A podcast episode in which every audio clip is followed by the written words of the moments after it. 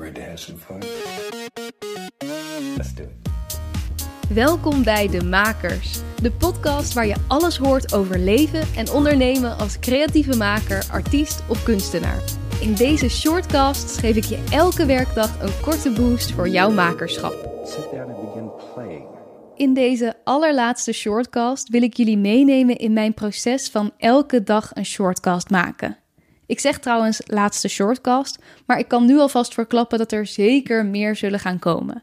Niet in de dagelijkse frequentie zoals ik dat nu heb gedaan, maar als ik een onderwerp heb waar ik graag meer over wil delen, zal deze vorm zeker terugkomen. En ik zal met jullie het proces delen. Waarom ben ik hier aan begonnen en hoe heb ik het aangepakt? Tot slot zal ik een boekje open doen over de uitkomst. Wat heeft het me opgeleverd? Om te beginnen, waarom wilde ik dit doen? Ik maak regelmatig solo-podcasts. Dit zijn wat langere afleveringen die vaak over een specifiek thema gaan, waar ik dan helemaal in ben gedoken. Vaak wil ik die zo goed maken dat er ook een hoop druk en een hele hoop werk achter zit. Ik maak het voor mezelf soms te groot. Zo heb ik bijvoorbeeld in aflevering 75, mijn tweede solo-podcast, twee boekbesprekingen gepropt en nog tien inspiratieopdrachten. Een beetje veel van het goede. Met de shortcast wilde ik het dus wat laagdrempeliger voor mezelf maken. Als je elke dag een podcast uitbrengt, dan kan je niet op elk onderwerp een maand gaan studeren. Dan moet je meer vertrouwen op dingen die je al weet en gaat het meer om deze zo goed mogelijk over te brengen. Dat was een volgende punt waarom ik dit graag wilde doen. Ik wilde beter worden in storytelling en dingen uitleggen. Sowieso is storytelling een thema waar ik veel mee bezig ben en waar ik nog heel veel in wil leren. Dus waarom dan niet mijn eigen kanaal hiervoor gebruiken? Een laatste reden was omdat ik graag mijn podcast en Instagram kanaal even een nieuw leven in wilde blazen.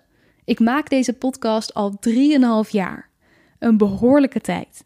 En het format is in grote lijnen hetzelfde gebleven. Daarom had ik nu even behoefte aan iets anders. Een nieuwe invulling. Alle lessen die ik tot nu toe heb geleerd is bundelen en zelf op die expertstoel gaan zitten. In mijn interviews stel ik me namelijk vaak nog op als de leerling. Degene die te gast is deelt hoe hij iets heeft aangepakt. In deze shortcast mag ik helemaal mijn podium pakken. En gek genoeg, ondanks dat ik ben opgeleid als zangeres en actrice, is dat podium pakken niet iets wat ik altijd van nature doe. In deze shortcasts had ik daar alle ruimte voor. Oké, dat waren mijn beweegredenen. Nieuw avontuur, nieuwe leiderschapsrol en nieuwe uitdaging. Maar dan, hoe pak je zoiets aan? Waar begin je? De belangrijkste bron van inspiratie voor de shortcast waren de takeaways die ik altijd maak op het einde van elke podcastaflevering. Na elk interview deel ik in het kort in een paar punten mijn grootste lessen uit het gesprek. Deze zijn ontstaan omdat ik bij mezelf merkte dat ik na een interessante podcastaflevering altijd dacht: Wauw, zoveel geleerd en mooie inzichten, maar dat ik daarna de geleerde lessen niet echt implementeerde in mijn dagelijks leven. Door gelijk aan het eind van een gesprek de grootste lessen nog even op een rijtje te zetten, blijft het hopelijk voor mezelf en vooral ook voor jou als luisteraar meer hangen. Deze takeaways bewaar ik al sinds het begin in één en hetzelfde document. Naast het document met de takeaways heb ik ook van ongeveer de eerste 35 afleveringen alle korte filmpjes teruggekeken die op social media staan en hieruit de belangrijkste lessen opgeschreven. Na dus de eerste 35 afleveringen had ik al zo'n berg met inspiratie dat ik de rest even heb gelaten voor wat het is. Dus kleine tip tussendoor: wil je na deze shortcast nog meer inspiratieboosters? Kijk dan eens wat video's terug op de Instagram van de Makers Podcast. Of download natuurlijk het e-book met alle takeaways op een rij via de makerspodcast.com slash downloads. Dat is in principe helemaal gratis, maar je mag altijd een tikkie achterlaten. Daar word ik natuurlijk mega blij van. Het laatste dat qua inhoudelijke inspiratie heeft geholpen, is dat ik altijd probeer om samenvattingen te maken van de boeken die ik lees of van andere interessante dingen die ik tegenkom. Niet altijd heel overzichtelijk of concreet, maar ik bewaar bijvoorbeeld vaak de belangrijkste stukjes of schrijf een paar grootste lessen op. Daardoor heb ik een groot inspiratiebestand. Met al deze informatie op zak ben ik gaan zoeken naar thema's die vaker terugkwamen en heb ik daar korte scripts bij geschreven. Alles wat ik nog terugvond wat weer bij een bepaald thema hoorde, voegde ik toe. Uiteindelijk kwam er een definitieve versie van de script en die ben ik gaan opnemen. Voordat er nog maar één shortcast was uitgezonden, had ik al 19 shortcasts opgenomen. Ik wilde voorkomen dat ik ging achterlopen en op zondagavond nog shortcasts in elkaar moest draaien voor de dag erna. De eerste 19 topics stonden dus vast. In de shortcasts voor deze laatste week heb ik me laten leiden door onderwerpen die in de afgelopen periode op mijn pad kwamen of thema's die door jullie zijn ingestuurd. De 19 shortcasts die al waren opgenomen, luisterde ik in het weekend voor de uitzendweek terug. Plande ik in en schreef ik dan pas een kort tekstje voor voor social media en de podcast-apps. Zo zat ik zelf ook nog vers in de materie en was het makkelijker om er spontaan over te delen. Zo heb ik het eens aangepakt. 23 shortcasts in één maand. Zo'n twee uur aan materiaal over 23 verschillende onderwerpen.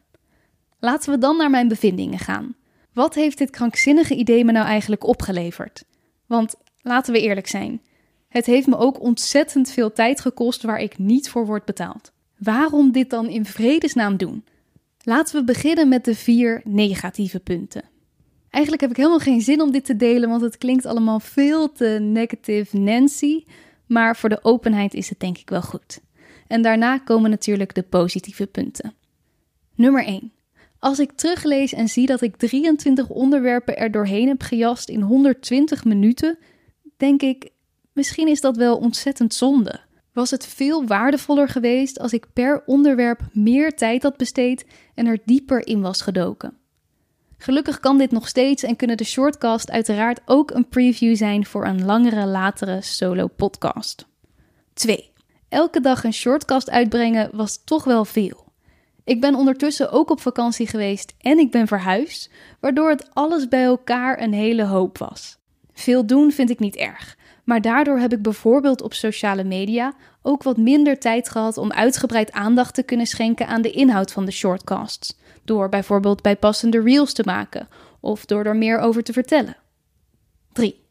Op de een of andere manier staat op mijn to-do-list ongeveer altijd persberichten schrijven. En is dit iets wat ik nooit of veel te laat doe? Over deze shortcast zijn een superleuk en uitgebreid artikel verschenen in de Flow. Maar ik had stiekem toch wel gehoopt op meer. Om mezelf iets meer in de kijker te spelen hiermee. En ik weet dat ik daar dus zelf ook een hele hoop meer voor had kunnen doen. Daar baal ik dan een beetje van. Dat dat me niet is gelukt. Misschien een idee om bij een volgend project toch echt iemand te vragen om me te helpen met dit onderdeel. Nummer 4. Luistercijfers.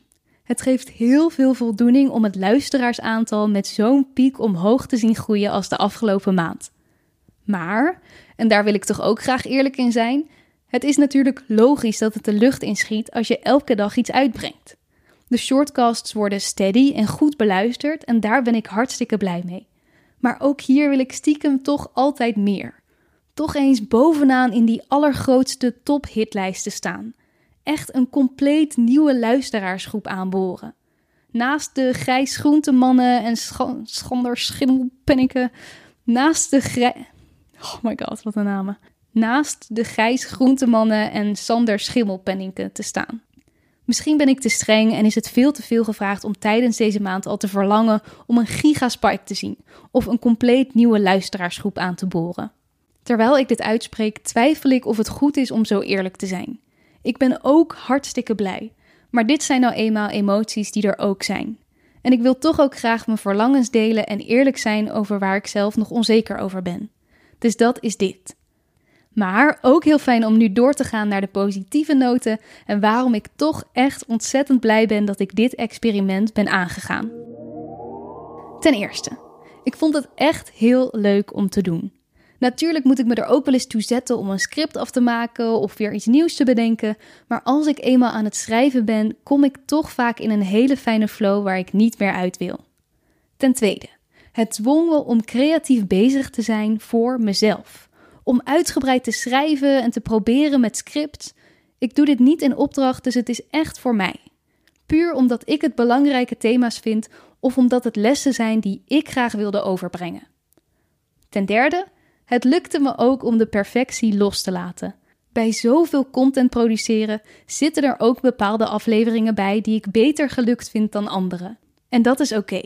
Niet alles kan en hoeft perfect te zijn. Ten vierde. Ook ben ik meer in de expertrol gaan staan. Toen ik 3,5 jaar geleden deze podcast begon, had ik nog geen idee. Liep ik tegen zoveel aan en wist ik het zelf ook allemaal niet. Nog steeds heb ik regelmatig het gevoel geen idee te hebben, maar heb ik wel een flinke rugzak van meer dan 150 interviews met creatieve makers, waar ik een hele berg lessen uit heb geleerd.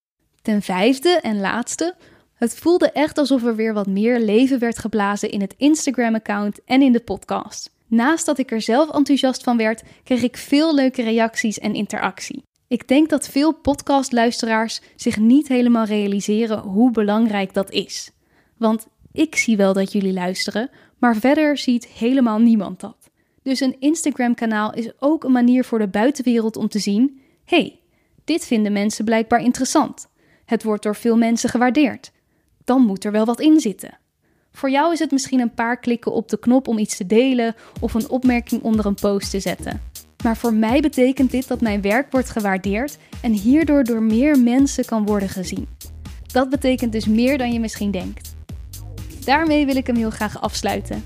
Heel erg veel dank als je hebt geluisterd en tot de volgende aflevering. Vond je dit een interessante of leuke aflevering? Heb je er iets aan gehad? Volg of abonneer je dan op de makers in de podcast-apps.